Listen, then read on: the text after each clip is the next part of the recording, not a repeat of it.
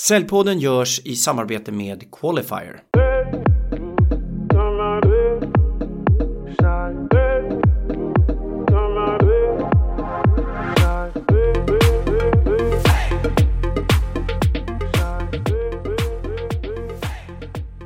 Hej och välkommen till Säljpodden, en podd för oss som gör affärer som ges ut i samarbete med Säljarnas Riksförbund. Jag heter Ken Skog och mitt emot mig har jag Mattias Härenstam. Mattias har arbetat inom säljutvecklingsbranschen, ledarskapsutveckling och rekrytering i stora delar av sitt liv. Välkommen Mattias! Tack så mycket! Kul att ha dig här! Det känns väldigt roligt att vara här. Skönt! Och du, vad ska vi prata om idag? Idag ska vi prata om, jag tror ett favoritämne för oss båda, eh, säljkultur och hur man får den på riktigt.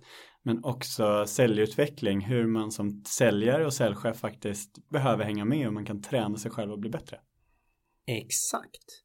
Och vet du, det är många som approcherar mig och vill vara med i podden. Men när jag bestämde mig för att prata med dig så var det efter att ha följt dig på LinkedIn ganska länge, tittat på din karriär och kände att kombinationen av kompetens och erfarenheter gjorde att här är faktiskt en person som kan prata om säljkultur och säljutveckling på ett övertygande sätt men också som mm. troligtvis har egna erfarenheter av att driva försäljningsprocesser. Mm. Har jag uppfattat det rätt? Du har uppfattat det rätt. Och jag tror det är ganska sällsynt att man har jobbat väldigt så här, ja men som säljtränare, säljutbildare, men också att man har tagit de erfarenheterna och gått ut och gjort det väldigt praktiskt. Och sen att man, jag brukar likna det vid ett laboratorium, själva sälj, när man är säljutbildare, att där är det bara ett laboratorium, där är saker lite på låtsas. Mm. Men sen att faktiskt kunna gå ut och bevisa det i, i verkligheten och kunna switcha mellan de två. Där tror jag inte det är många som vågar röra sig. Sälj handlar väldigt mycket om att överträffa förväntningar. Personligen försöker jag sätta ganska låga förväntningar när jag introducerar mig själv. Du har satt väldigt höga. Mm. Så att jag önskar dig lycka till i det här avsnittet när du nu ska få prata om säljkultur och se om du kan överträffa de förväntningar som jag har nu. Yes. Berätta för mig, vad är säljkultur överhuvudtaget? Men det jag definierar säljkultur det är ju det är någonstans det människorna andas när du kommer in på, på ett företag eller en säljorganisation. Alltså det som märks i atmosfären, det som märks i beteenden, hur människor är mot varandra. Det är väldigt mycket det som är säljkulturen. Så säljkulturen är ju ingenting som jag skulle säga sitter i väggarna utan säljkulturen sitter verkligen i människorna och de vanor och jag brukar kalla det för ritualer som man faktiskt skapar. Det skapar en säljkultur. Eh, och då gäller det att vara medveten om vad är det för säljkultur jag vill skapa. Har du några exempel på vad du menar med ritualer? Ja, men ett exempel är från, från det rekryterande bemanningsföretag jag var på som heter Bravura som gjorde, gör en, en extremt snabb tillväxtresa. Eh, och en ritual där som är väldigt enkel men som ändå sa väldigt mycket. Det var att på måndagar så började vi 07.45 med ett uppstartsmöte för hela företaget. Och anledningen till den 07.45 starten det var just för att visa sig att vi startar lite före konkurrenterna. Vi är lite hungrigare. Och det var oftast att vi liksom hade en kvart, en halvtimme som var fylld av inspiration och boost inför veckan. Men framförallt att det var liksom, det var alla i hela företaget som, som var samlade på den. Eh, och det tyckte jag var det är en sån här enkel ritual. En annan eh, ritual kan ju vara, många har ju värderingar. Mm. Eh, och då vet jag säljavdelningen i Stockholm tog de här värderingarna och satte ihop det till, liksom de kallar det för Gimpen, en förkortning. Och sen så tog de en liten maskot som var Gimpen då. Så varje fredag så fick en säljare utse vem som hade levt mest efter värderingarna under veckan och ge det till en annan säljare. Och så blev det en stafett hela tiden. Och då fick man också motivera vilken av värderingarna man verkligen hade sett hos personen och hur de hade efterlevt det. Och det är också en sån här ritual att komma bort från att bara mäta de hårda cellsiffrorna till att faktiskt börja se de här beteendena hur vi är mot varandra. För det är det, det, är det i slutändan som kommer skapa cellkultur. Så beteenden hur vi är mot varandra. Eh, men sen också de här ritualerna som någonstans ska skapa någon form av repetitivt beteende. Det är två exempel på ingredienser ja. som man kan använda sig av i en säljkultur. Och ytterligare ett exempel som är blandning lite mellan sälj och ledarskap. Men många pratar om det här med att ge uppskattning och hur svårt det kan vara. Och, eh, där tror jag ju verkligen, så jag är en som förespråkar att man behöver sätta in att ge uppskattning liksom lite på schemat. Eh, och där hade jag, när, just när jag var på Delcarnia så hade vi på våra veckomöten så hade vi alltid att vi gav liksom solsken. Så då gav man uppskattning till personer i teamet som man hade tyckt hade gjort något extraordinärt under veckan.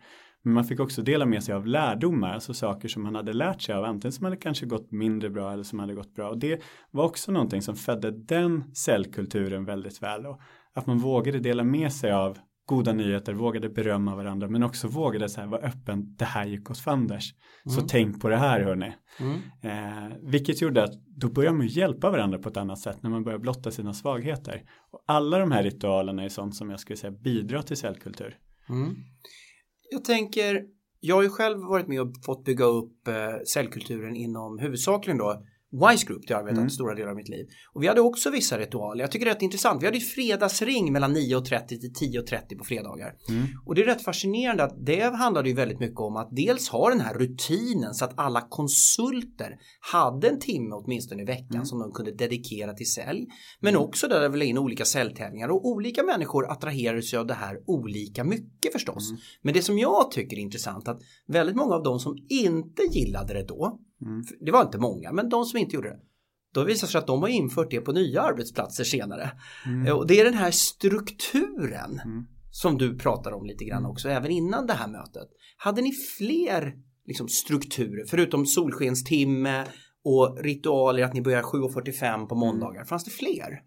Nej, men sen tror jag en, en annan sak vi kommer prata om idag, men just det här att bara sätta en struktur kring cellträning. Alltså så här, cellträning är verkligen inget one hit wonder. Du som cellchef kan inte tänka sig, jag tar in en säljutbildare några tillfällen och så löser det sig. Det är också någonting du behöver implementera varje dag och då behöver du sätta ritualer för det. Det kanske att du sätter KPI på att det inte bara du som säljchef går ut på sambesök med säljarna utan de ska gå på sambesök med varandra där de också tränas i så här, hur ger man varandra feedback på ett bra sätt efter ett cellmöte? Så att det är också en ritual att faktiskt våga här, införa kopior som man följer upp som inte handlar direkt om, om den rena försäljningen. Men sen är ju alla de här klassiska grejerna, alltså ringa klockan, det är bollar i rör när man har gjort sina möten och sånt också. Men det tror jag många säljavdelningar har. Jag tror att man behöver också tänka ett steg längre än det.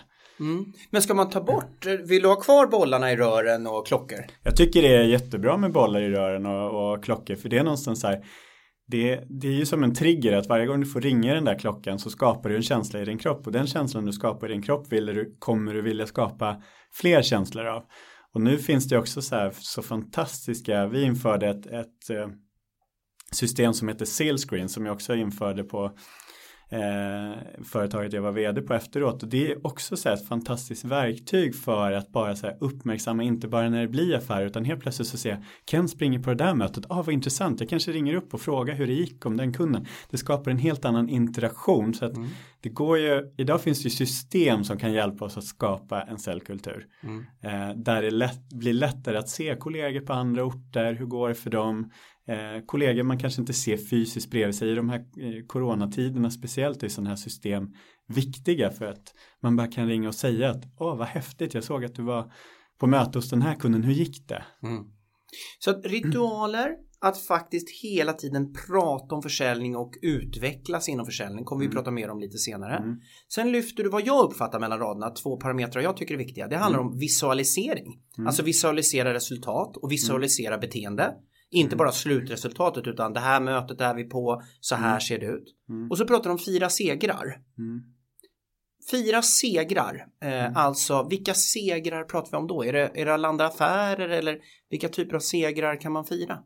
Jag tror i en säljorganisation är du duktig på fira segrar, då hittar du många, många fler möjligheter att fira segrar.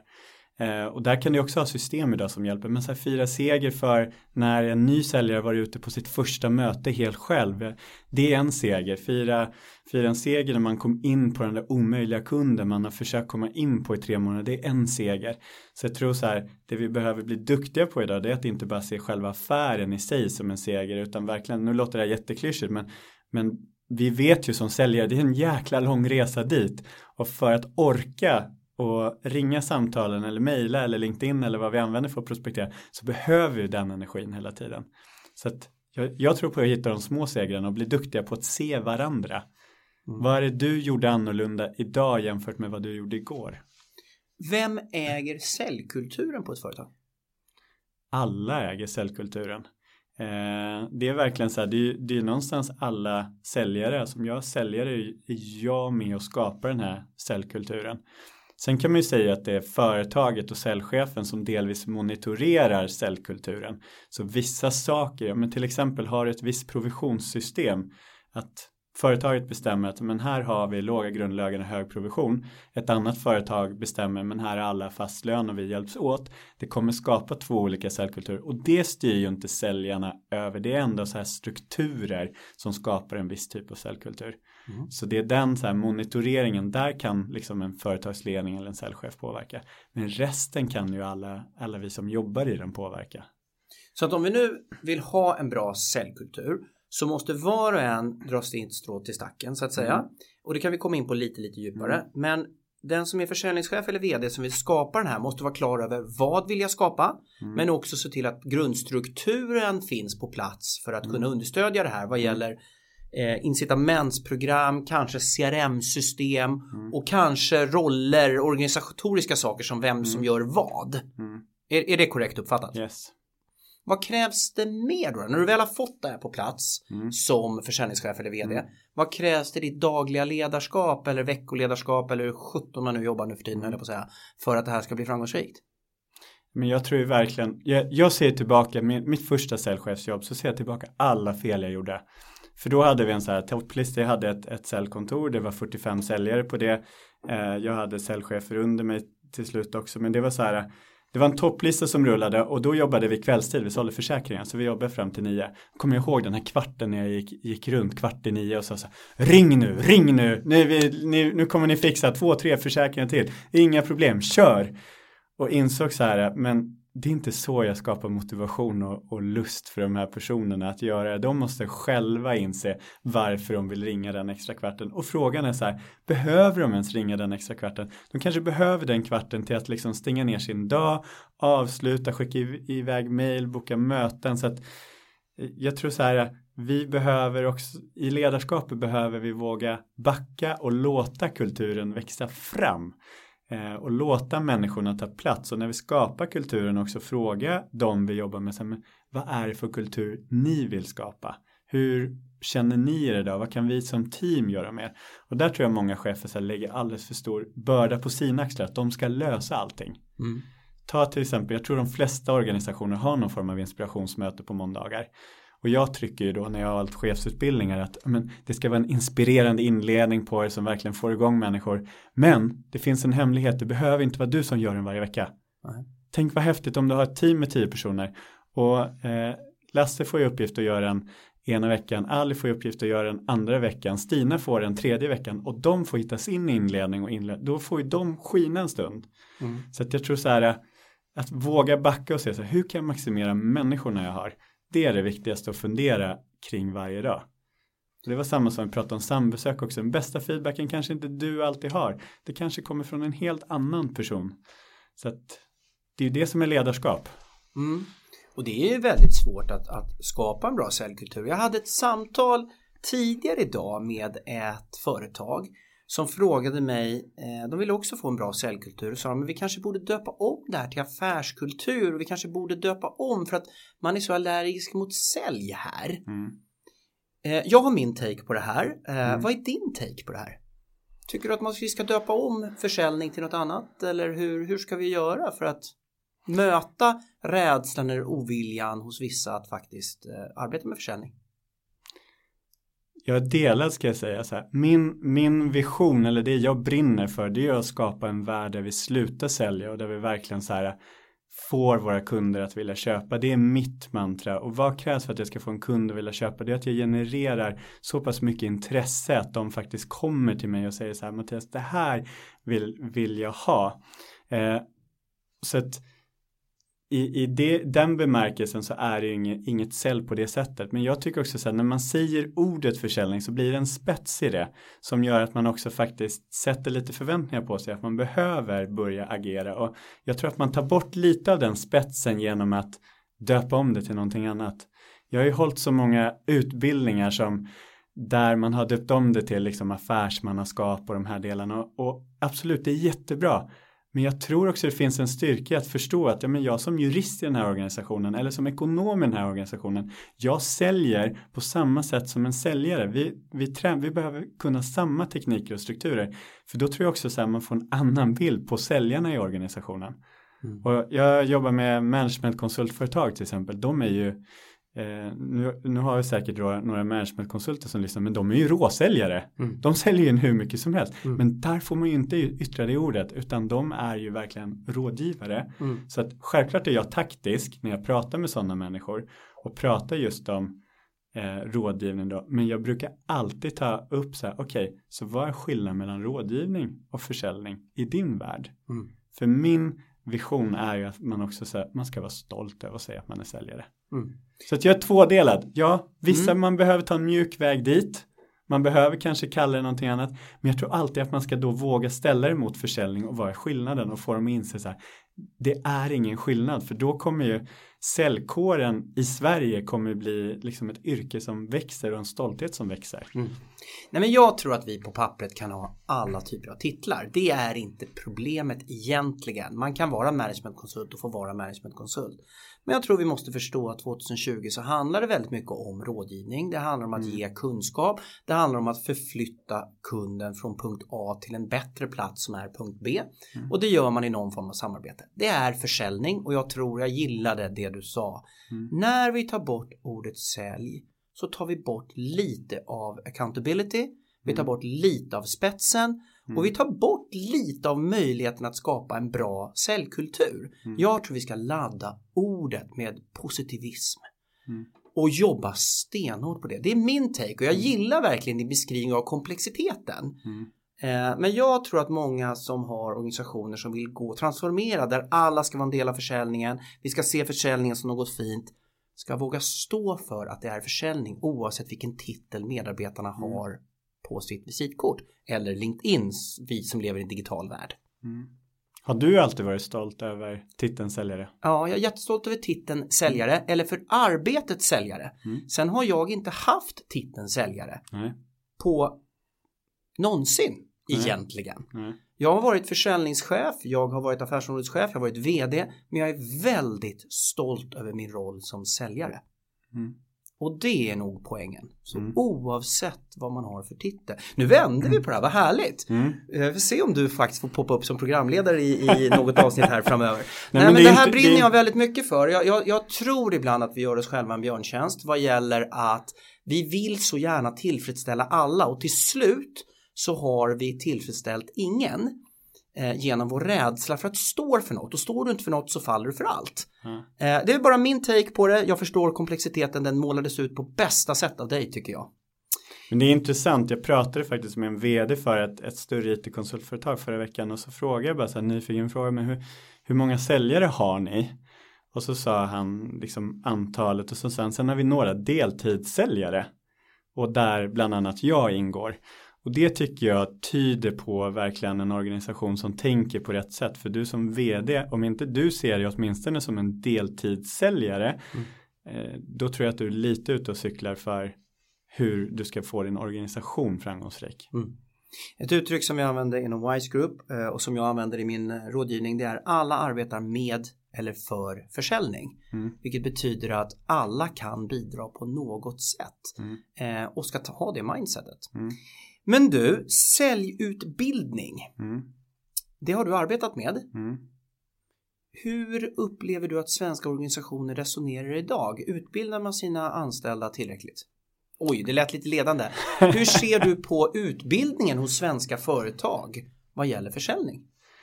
Ja, jag tycker personligen att det är alldeles för få som investerar tillräckligt med tid och tillräckligt med resurser i i utbildningen och när man väl investerar det så lägger man för lite energi i det. Mm. Eh, bland annat ett exempel som jag är superallergisk mot det är när man har haft en dialog med säljchefen om man ska ha en säljutbildning eh, och så säger personen att ja ah, men det blir jättebra det här för alla säljarna och sen så tänkte jag att jag sitter med och lyssnar lite grann. Eh, och jag har ju varit stenhård, alltså det har funnits två alternativ. Antingen så visar du för säljaren att det här är inte är viktigt det betyder att du inte deltar. Eller så visar du att det här är superviktigt och det här är prioriterat och då är du med precis på alla förutsättningar som alla andra. Och så säger säljchefen, men Mattias, de kommer ju tycka det är jobbigt att jag sitter där inne och liksom övervakar dem. Jag säger, men vet du vad? Om, om du har den känslan hos dina säljare att, att de tror att du övervakar dem, då har du ditt bästa tillfälle nu att visa att det är inte den personen du är. För att, att utmana en säljchef i en säljutbildning, att den vågar liksom blotta sig och vara naken och träna på tekniker och strukturer för de andra, det är bästa sättet att verkligen få det framgångsrik. Så jag skulle säga så här, som chef först så måste du anamma att det är viktigt och du måste gå all in på det. Men sen, de flesta har ingen, ingen tanke på hur man gör det till en del av kulturen återigen. Jag tänker på det, jag satt och reflekterade kring kopplingen till säljkultur. Att om man nu, och jag kan förstå den här känslan hos försäljningschefen, men samtidigt om man har en kultur där man tror att de anställda upplever sig övervakade när man är med i säljutbildningen, mm. kanske man bör titta på andra delar av säljkulturen. Mm. Det, kan, det kan vara en utmaning i sig. Eftersom vi alla ska vara i samma lag på något vis och skapa någonting. Och hör du som säljutbildare det eh, så kör du den säljträningen så kan jag bara säga det kommer misslyckas. Du kommer aldrig få det här, den här kunden att bli en wowad kund om inte säljchefen verkligen går 100% all in i det också. Men vems ansvar är det att, missförstå mig rätt nu eller missförstå mig inte alls eller gör vad sjutton du vill med den här frågan. Vems ansvar är det att säljutbildningen blir lyckosam? Men ansvaret ligger väldigt, väldigt mycket hos deltagarna i säljutbildningen. Eh, och där krävs det ju, när man gör en säljutbildning eller säljsatsning så krävs det ju att man verkligen så här får dem att inse sig. varför vill jag det här, väcka den motivationen för att det är ingen idé att ta in någon säljutbildare som kommer att berätta saker om inte personalen verkligen är engagerad i det. Och då krävs det också att man själv har börjat förstå så här, vad är det man vill bli bättre på, att man har börjat skapa den kulturen. Så att jag tror att vissa saker behöver skapas också innan man är redo för att verkligen börja, börja utveckla sig själv. Men det jag ser fortfarande det är det klassiska, man tar in eh, säljutbildare, säljutbildningsföretag, man kör några tillfällen och sen så tänker man så här, men nu har jag gjort det här med min säljorganisation. Jag pratade när jag sålde säljutbildningar så pratade jag med många, många företag så sa, ja men vi hade en säljutbildning här för ett år sedan så det, vi behöver nog inte göra det på ett tag. Mm. Och då kände jag så här, okej, okay. mm här finns det problem.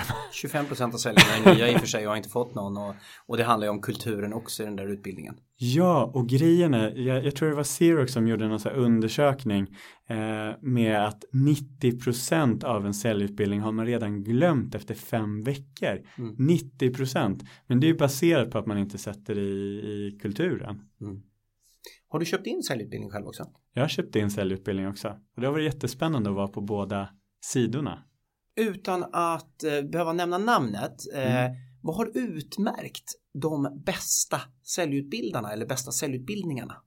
Tycker du? Ja, men de bästa säljutbildningarna eller säljutbildarna om man börjar där, det har varit säljutbildare som själv vågat sticka ut med vad de känner att de är absolut bäst på. Mm. Eh, det är en sak att inte bara tänka hela säljprocessen utan verkligen våga sig sticka ut med någonting som de gör som är unikt. Eh, det är ena grejen och kollar man liksom sälj, säljutbildningsföretagen så ska jag säga det som sticker ut är ju de som vågar jobba med coaching direkt i stunden på ett annat sätt. Alltså som kommer från eh, det här bekväma utan verkligen så här, men våga gå in och utmana och när du gör det, till exempel håller du en presentation så, så har du någon som faktiskt vågar ge dig feedback där och då när du gör den, för det är då du kan förändra. Mm. Lite som en fot, eh, fotbollscoach, den säger ju inte alltid direkt bara efter matchen att du kan, du borde ha gjort på det där sättet, utan de är ju där vid planen, de skriker ju hela mm. tiden och mm. så tycker jag en bra mm. säljutbildare eh, mm. också ska jobba. Så det är skillnad att du inte ska skrika från planen utan Nej. coachande förhållningssätt möjligtvis då. jag förstår vad du menar. Men man är liksom så här, man är engagerad i stunden, det är inte så att jag låter dig göra allting Nej. och sen berätta utan jag vill, ju, jag vill ju få dig att hitta känslan. Vad hände när jag vågade ställa frågan på det där lite annorlunda sättet till exempel. Så att alla coacher som lyssnar på det här, vi menar inte skrik vad folk ska göra högt i klassrummet utan med frågemetodik utmana och utveckla. Grym facilitering. Perfekt. Ja. Jag tänker om man ska köpa in säljutbildning, för jag arbetar ja. ju en del med det här, eller ja. det är en hyfsat stor del av min verksamhet. Mm. Även om jag försöker ställa om den, delvis till det som du pratar mm. om. Och det beror på det här som jag tänker att du ska få svara mm. på då. Vad, är, vad bör man tänka på när man köper in säljutbildning? Mm. Alltså, jag skulle säga så här, det första som jag har tänkt på när jag suttit i den situationen, det är ju det är faktiskt så här, känner jag att den här personen genuint vill jobba med mig eller med oss? Mm. Och vad är det i personens agerande som verkligen visar det?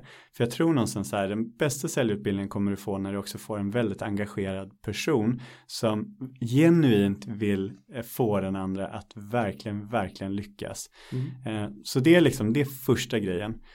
Det andra saken, men det, jag, det jag skulle göra är ju verkligen så här, men att kolla faktiskt, kolla referenser Mm. eh, på personen och faktiskt ringa upp för att det är väldigt svårt att kolla på en hemsida eller kolla på videoklipp utan faktiskt så här, prata med personer som har anlitat det här företaget eller den här personen och, och fråga om deras upplevelse för att se om det kan matcha våran kultur eller vårat sätt att jobba. Mm. Eh, för där kan det nog skilja sig lite beroende på vad det är för, för typer av säljutbildare. Hur så- upplever du att man har tänkt igenom vad man vill ha ut av en säljutbildning? Alltså har du någon bild av det när du kom ut och träffade Mm. kunder? Hade de tänkt igenom vad de behövde? Ja, de hade tänkt igenom det men inte tänkt igenom vad det berodde på. Alltså så här, nio fall av tio om man frågar en säljchef eh, när jag sålde säljutbildningar. Vad, vad vill du att dina säljare blir bättre på? Vad tror du de sa? Kom ut och möte? Nej, det var Nej. inte det i det fallet utan det är nummer två faktiskt. Jaha, okej. Vad är Nej, ett? det var få avslut. Ja, just ja. Ja. ja, det är rimligt. Ja, det är Men- rimligt. men- men Jag har då- inte gjort något avslut sedan Nej. 2002 så att Men då är det ju spännande det, det, det du säger. För det är någonstans så här, okej. ni vill bli bättre på avslut. Hur många möten har ni då? Mm. Som ni kan göra dem på. Så redan där så får du den här korrelationen liksom till nummer två. Att okej, vi behöver bli bättre på att komma ut på möten. Mm. Men det är väldigt många glömmer ju den hela processen mellan att du liksom har bokat det där mötet till att du ska få det där avslutet. Och det är det jag säger, alla som har så här, ja men 50 sätt att göra avslut på och så vidare. Jag säger själv, skit i det. Mm. Jag brukar absolut så kunna ge exempel på tre olika avslutstekniker när jag haft säljutbildningar. Men om du har gjort allting rätt så kommer jag bara behöva fråga, Ken, ska vi köra på det här? Mm. Det är inte mer komplicerat än så. Nej. Och det är där någonstans som vi behöver hamna. Och i tekniken är det någon form av direkt orderfråga Ja, i någon form. exakt. Men det handlar om hur du har frågat dig till avslut. Jag hade en diskussion med min förra koncernchef han frågade mig vilken min bästa avslutsteknik var. Jag sa jag har ingen och så kom vi fram till just direkt orderfråga. Det är Ja. nog så. Ja. Mm. Men då vet du att du har gjort, för jag menar jag kan ha alternativmetoden, vill du köra på det sättet eller vill du köra då? Alltså Mm. det finns massa psykologiska saker men, men någonstans så här, jag behöver inte tänka psykologiskt. Om jag verkligen har fått dig att få intresse så kommer du vilja köpa. Och jag tror den här mellansekvensen, den är så komplex så företag förstår inte riktigt vad är det där vi behöver träna på för att, för att lyckas. Mm. För vissa bolag eh, som jag var inne, det har jag sett så här, man kommer in på mötet och så börjar man med att säga så här, ah, välkomna hit, jag tänkte att vi börjar med att berätta lite om oss, eh, du får reda på lite mer om min bakgrund och sen kan vi gå över och prata lite om era utmaningar, era problem, er vardag och så vidare. Ja, men tänk bara att vända på det, först att bara komma ut med något som jag tycker är extremt underskattat, en intresseväckare. Mm. Bara en, vet ni vad? I tidningen igår så såg jag den här undersökningen. Visste ni att 60% av alla säljchefer upplever att det här är en utmaning? Mm. Eh, Så jag tänkte syfte möte idag är och så går man igenom någonting som är kopplat till intresseveckan. Helt plötsligt så, så sticker jag ut mot alla andra. Mm. Jag visar att jag kan någonting. Jag tar kommandot absolut från start. Men det är så här, många börjar sina möten alldeles för lojt. Så det känns som att så, okej, vi sätter oss ner så här, vad ska vi prata om? Mm. Eller så kör de upp sin powerpoint och så kör de 25 slides om deras företag. Mm. Jag har i princip aldrig ens berättat om företagen jag jobbar på. Nej. Aldrig behövt det.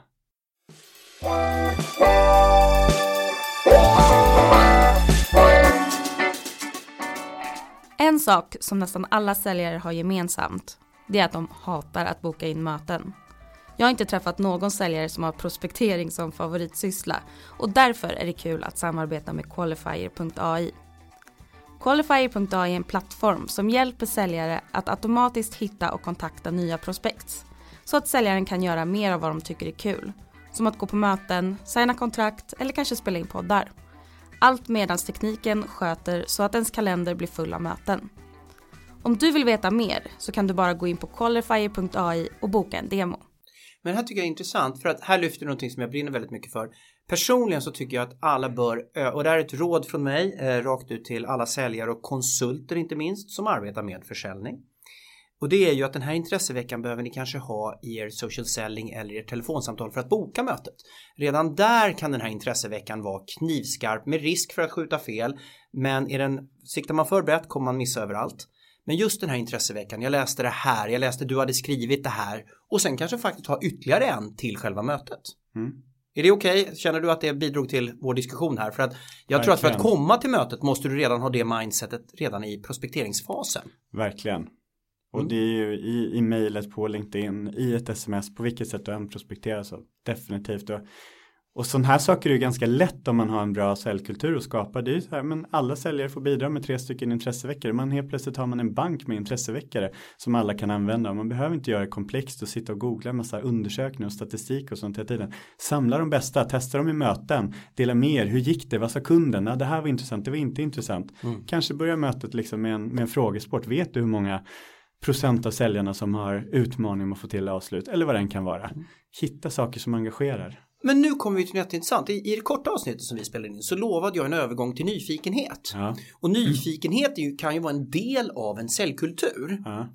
Och här har vi ju då när vi sitter i kulturen hur vi du faktiskt ska vara nyfikna hos mm. för kunden mm. och hitta de här intresseveckarna. Mm. Vad ska man vara nyfiken på tycker mm. du kring för att faktiskt skapa den här intresseveckan? Hur, hur mm. odlar vi nyfikenheten i en organisation? Men det är så spännande för jag får direkt upp en, en bild i huvudet, en 60-årig kvinna. Eh, vi hade varit på ett konvent, jag hade blivit liksom utsedd till en av de bästa säljarna. Det hade hon också. Men hon var 60 plus, hon hade gått ner till halvtid, hon hade jobbat många, många år. Och så frågade jag henne så här, men vad är det som gör att du lyckas så bra? Så sa det är väldigt enkelt. Jag går in, jag kan ingenting om företaget och jag är 100% nyfiken. Mm. Och då släppte en stor press från mina axlar för någonstans hade jag själv tänkt att du behöver läsa på massa innan, du behöver förstå det här bolaget, du behöver gå in och kolla hur deras årsredovisningar har sett ut och så vidare. Eh, men sen det samtalet med henne så kollar, har jag väldigt, väldigt sällan uppkollat upp massa fakta om bolag för det påverkar någonstans. Jag skapar förutfattade meningar. Eh, och siffrorna kan ljuga ibland. Så jag tror dels är att verkligen gå in med ett öppet sinne när du går in till en kund eh, och gärna vara lite blank istället för redan innan ha bestämt dig för vad de behöver hjälp med. Mm. Så det är liksom bara en första mindset-grej. Mm. Men sen handlar det väldigt, väldigt mycket om eh, förmågan att ställa frågor och upptäcka hela den världen som finns. Och jag brukar prata någonstans om att man eh, om power questions brukar jag prata om. Och power question är för mig att, ja, men till exempel är ett möte och jag frågar så här, men Ken, vilka utmaningar sitter min, ni med just nu? Det är en bred, en allmän fråga, jag får massa bra info. Men för att jag ska spetsa till den och verkligen kom, börja komma dig in på skinnet, men då frågar jag så här, men av alla de här utmaningarna, om du bara fick välja en enda utmaning att lösa, men du kunde lösa den här idag, vilken skulle det vara? Mm. Och när man lyckas liksom trätta ner frågorna på det sättet också då då märker man ju hur vad ska man säga personen man pratar med bara öppnar upp sig hela tiden. Mm. Och det föder ju mer nyfikenhet. Så jag tror bara så här förmågan är att koppla bort sig själv och bara lägga 100% fokus på den andra. Och det här blir väldigt lätt klyschigt, vi ska vara kundorienterade. Men nu kommer vi tillbaks till det här med säljutbildning och jag ställde mm. ju frågan till dig hur upp, vad borde man tänka på lite grann mm. företag som köper in det här? Det jag upplever ibland mm. det är att man inte riktigt har tänkt igenom varför man vill göra det här, precis som du sa. Mm. Och så vill man jättegärna dyka rakt ner i en utbildning, teknikutbildning. Mm. Alltså nu ska vi utbilda i avslutsteknik, precis mm. som du sa, eller nu mm. ska vi utmana i prospektering eller i frågeteknik. Jag tror någonstans att man måste starta i det här med vad är det vi vill åstadkomma? Hur, var någonstans säger vi, ställer vi de här frågorna mm. och sen komma ner i att utbilda i frågeteknik för annars blir det mm. väl lätt att vi inte vet varför vi frågar och vi ska ju fråga mm. för kundens skull. Förstår du vad jag det, menar? Ja, någonstans här, det går ju verkligen tillbaka till botten så här, varför är du säljare? Mm. Vad, vad är anledningen att du är säljare? Och är du säljare som är framgångsrik så är en av anledningarna troligtvis att du vill hjälpa andra att lyckas. Precis på samma sätt som kanske varför du är chef. Och det bottnar ju tillbaka till att okej, okay, förstår du att syftet när jag går in som säljare det är att hjälpa dig. Då kommer jag också förstå att jag kommer inte kunna lösa att hjälpa dig genom att bara berätta allting jag vet. Jag behöver ta reda på så här, vad ska jag hjälpa dig med? Mm. Mm. Och då kommer vi tillbaks till det här med kulturen igen. Att Mm. vi behöver och definitionen av vad en säljare är. Mm. Så nu har vi ju gått varvet runt någonstans Mm. och sagt att försäljning är något fint. Mm. Vi ska hjälpa någon att gå från nuläge till ett önskat läge. Mm. För det behöver vi ställa en mängd frågor. Mm. Och vi bör vara nyfikna och ha en intresseväckare att överhuvudtaget få en möjlighet att få göra det här. För vi är ju inte ensamma att vilja göra det här. Så jag tycker det är jätteintressant. Du lyfter det här som en på ett holistiskt sätt eh, Mm. lite grann men som också viktigt för en organisations egentligen hela DNA. Mm. Jag har faktiskt en, en intressant, när vi pratar om cellträning är det roligt så här, det finns ju massa övningar. Men jag tänker just en övning som alla som, som lyssnar kan, kan köra om ni har någon kollega som är superbra. Det är så här att man, man kör en övning att man ska designa sitt drömrum. Mm. Jag vet inte, hur ofta har du tänkt på hur ditt drömrum ser ut? Ja, herregud, nej det har jag inte gjort. Berätta. De flesta människor har inte tänkt på det, men vi börjar ändå så här skapa en bild, vi börjar inreda det och, Mm. och så vidare. Men då är enda målet det är att ena personen tänker på sitt drömrum och jag då som är den andra säljaren i det här fallet, det enda jag ska göra det är att ställa öppna frågor och lyssna. Och jag får inte anteckna någonting, utan jag ska bara hjälpa dig att skapa bilden av ditt drömrum så tydlig som möjligt. Och så gör man det under fem minuter och sen ska jag också så här ha tränat mitt lyssnande att okej, repetera hur såg ditt drömrum ut och då får du också bedöma mitt när jag målade upp det tillbaka till dig, hur väl har jag lyssnat?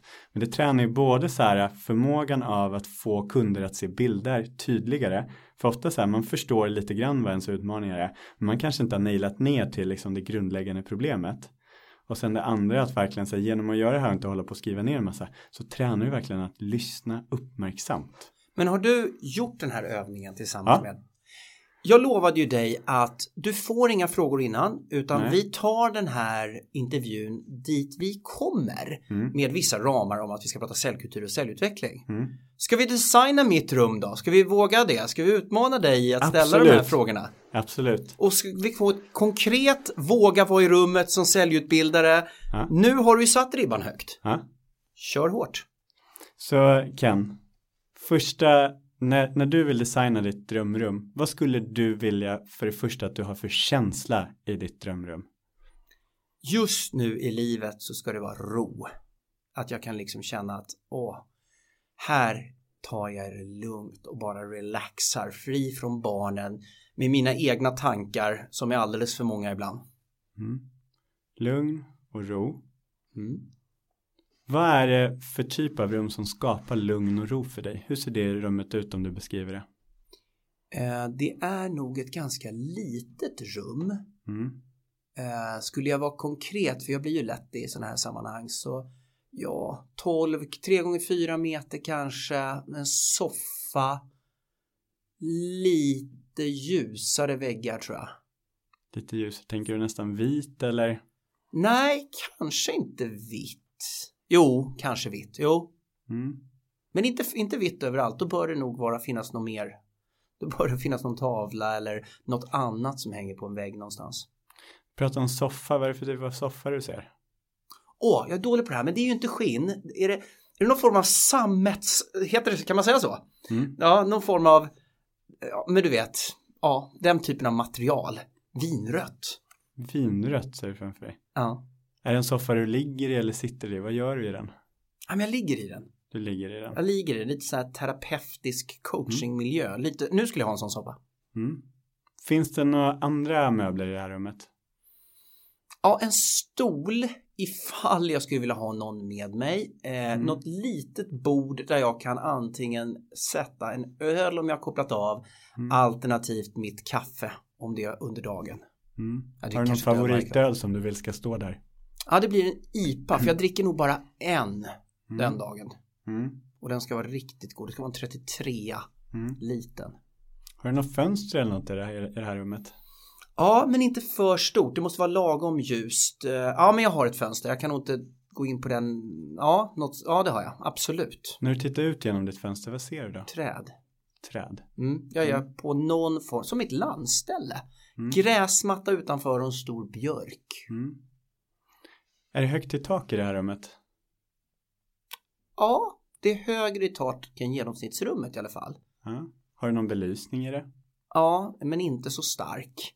Nej. Jag får sån här, när jag sitter och beskriver får jag så här, jag var förra veckan inne på uh, några gamla vänner som jag arbetat med, Wise, deras kontor. Ja. Och ja, men lite så här Östermalmsvåningskänsla i det här lilla rummet Ja. får jag. Ja. Lite högre i tak. Vad har du för golv?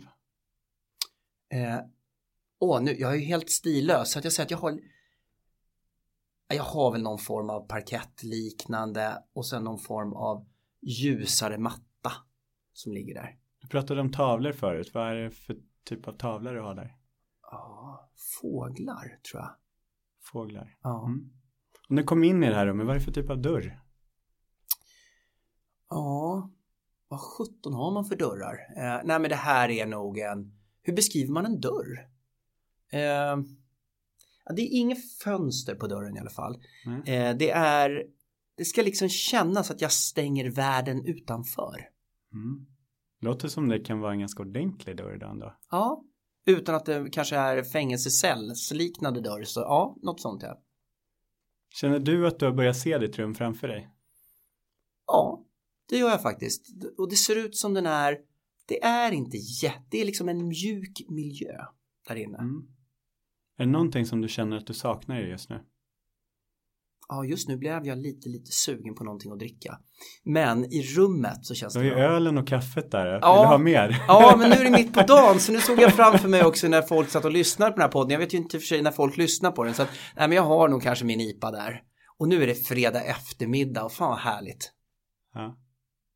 Så det jag ser framför mig eh, i, i ditt rum, du vill ha den här Östermalmsvåningskänslan, men ändå ganska litet. Du pratar om tre gånger fyra meter. Mm. Du pratar om en soffa som är bekväm att ligga i, Mm. lite så här psykologaktigt som är vinröd. Mm. Du pratar om att du har en, en tavla på väggen som föreställer fåglar. Mm. Du har ett fönster, du har ett fint ljusinsläpp och när du tittar ut så ser du massa träd. Du har en stol för att du ska kunna ha personer som kommer in i rummet. Mm. Eh, du har ett litet bord eh, och på bordet så har du både kaffe och sen så har du en IPA som du verkligen älskar. Mm. Eh, och du har en ganska rejäl dörr till det här rummet så att du kan stänga världen utanför. För när du kommer in i det här rummet, det du vill känna, det är lugn och ro. Mm. Ja, Låter det, det som? ja, det är exakt så jag känner. Märkte du vad som hände när vi gjorde den här lilla övningen? Nu var det kul att vi gjorde den live. Mm. För det blir någonstans från att du inte haft en tydlig bild över ditt drömrum så började du lägga till detaljer, saker och jag såg i dina ögon att du började, du förflyttade dig till att börja leva dig in i det här. Mm. Och det är det här jag menar att när, när du går in som säljare verkligen så här, mitt enda fokus nu var att förstå hur ser Kens drömrum ut. Mm. Precis på samma sätt behöver jag göra nu utan en kund Mm. och förstå hur ser deras verklighet ut? Va, vart skulle deras drömläge vara? Mm. Hur, vad krävs för att de ska komma dit? Jag behöver liksom bli deras hjärna för en stund. Mm. Och jag behöver verkligen träna mig på och lyssna. Som du, nu ser ju inte ni, men jag antecknade ju ingenting. Nej, jag tänkte precis säga det att för lyssnarna här så översätt det här till en affärsmiljö för nu är det uppenbart så att Mattias är någon form av coachutbildad. För det vi pratar om här är power questions eller kraftfulla frågor, ofta öppna.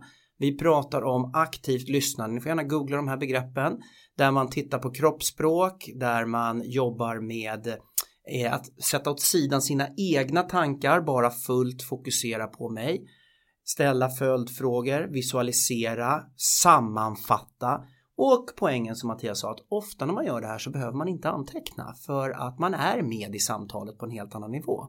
Det här var improviserat, helt och hållet improviserat men jag vill slå ett slag för det till alla säljare. Det här odlar nyfikenhet.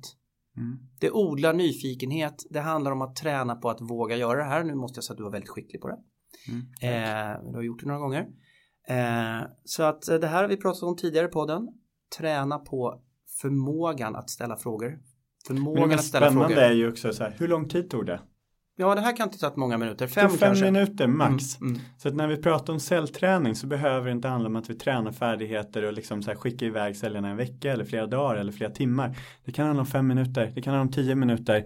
Men att göra det konstant, göra det ofta. Det är samma sak som du går och tränar på gymmet. Mm. Du går ju inte att träna på gymmet i två dagar och sen är du inte där på några månader. Eller vissa gör ju det. Men ska man liksom vara i form, må bra, utvecklas. Ja men då tränar du kontinuerligt några dagar i veckan. Så i din säljkultur vad är det för tillfällen du kan skapa för att faktiskt få personer att säljträna. Kanske är det ett måndagsmöte där ni lägger till en kvart och faktiskt tränar på någonting. Mm. Eller att personen får dela någonting. Det kanske är att ni börjar gå på mycket mer sambesök med varandra. Mm. Jag tycker det här är jättebra. Jag lägg säljträning och säljutveckling som en del av er kultur. Det är en stor del. Adderat så handlar säljkultur som vi har pratat om här handlar om att visualisera resultat, visualisera resultat fira segrar ha ritualer och göra försäljning till någonting ni kan vara stolta över. Och här kan man ju då säga att har ni tänkt igenom allt det här väldigt bra så kan ni ju dra ner på antal eh, timmar ni köper in konsulter för. För att nu kan ni köpa in det på ett effektivare sätt. Mm. Verkligen. Är det någonting du känner att du vill lägga till innan vi rundar av idag som du känner att det här måste man tänka på som säljare först? Börjar vi? 2020? men jag, det, det jag känner är viktigast det är så här, världen förändras och du behöver hänga med som säljare.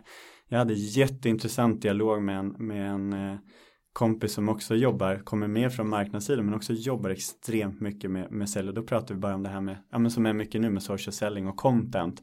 Eh, och pratar om så här, men vad är säljarens uppgift där? Men säljarens uppgift är faktiskt att börja bidra med lite content. Man behöver liksom visa sin expertis. Mm. Men det är så här, nya områden som kommer, var lika nyfiken där och förstå, lägg det i din verktygslåda. Det handlar inte om att du ska förändra hela ditt, du behöver inte bli en social seller eller en challenge seller eller vad det än är, utan det är, så här, det är fantastiska verktyg som kommer som du behöver förstå. Vad är det för verktyg och hur kan jag applicera dem i min vardag? Mm. Så det skulle jag verkligen säga, nyfikenhet både mot kunden men också till din egen utveckling och jag har sagt det, när du säljer till en kund, ställ för 17 frågan.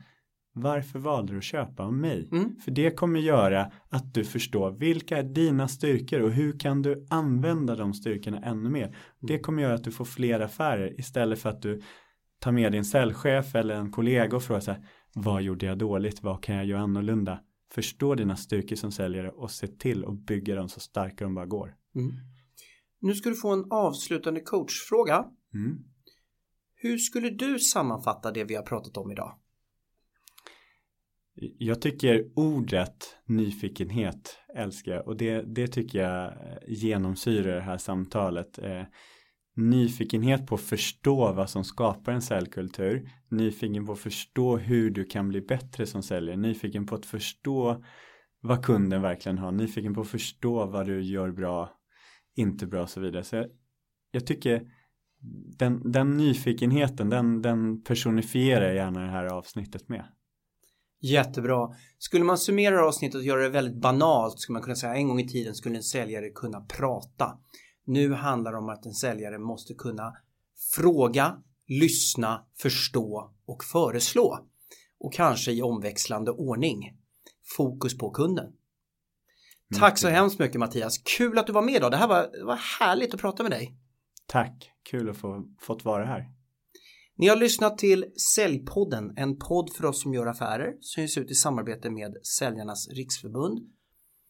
Jag hoppas att ni alla tar hand om er. Vi lever i väldigt speciella tider, men ut och kör så hårt ni bara kan. Gå ut och var nyfikna så har ni åtminstone gjort allt ni kan för att påverka. Ha det gott!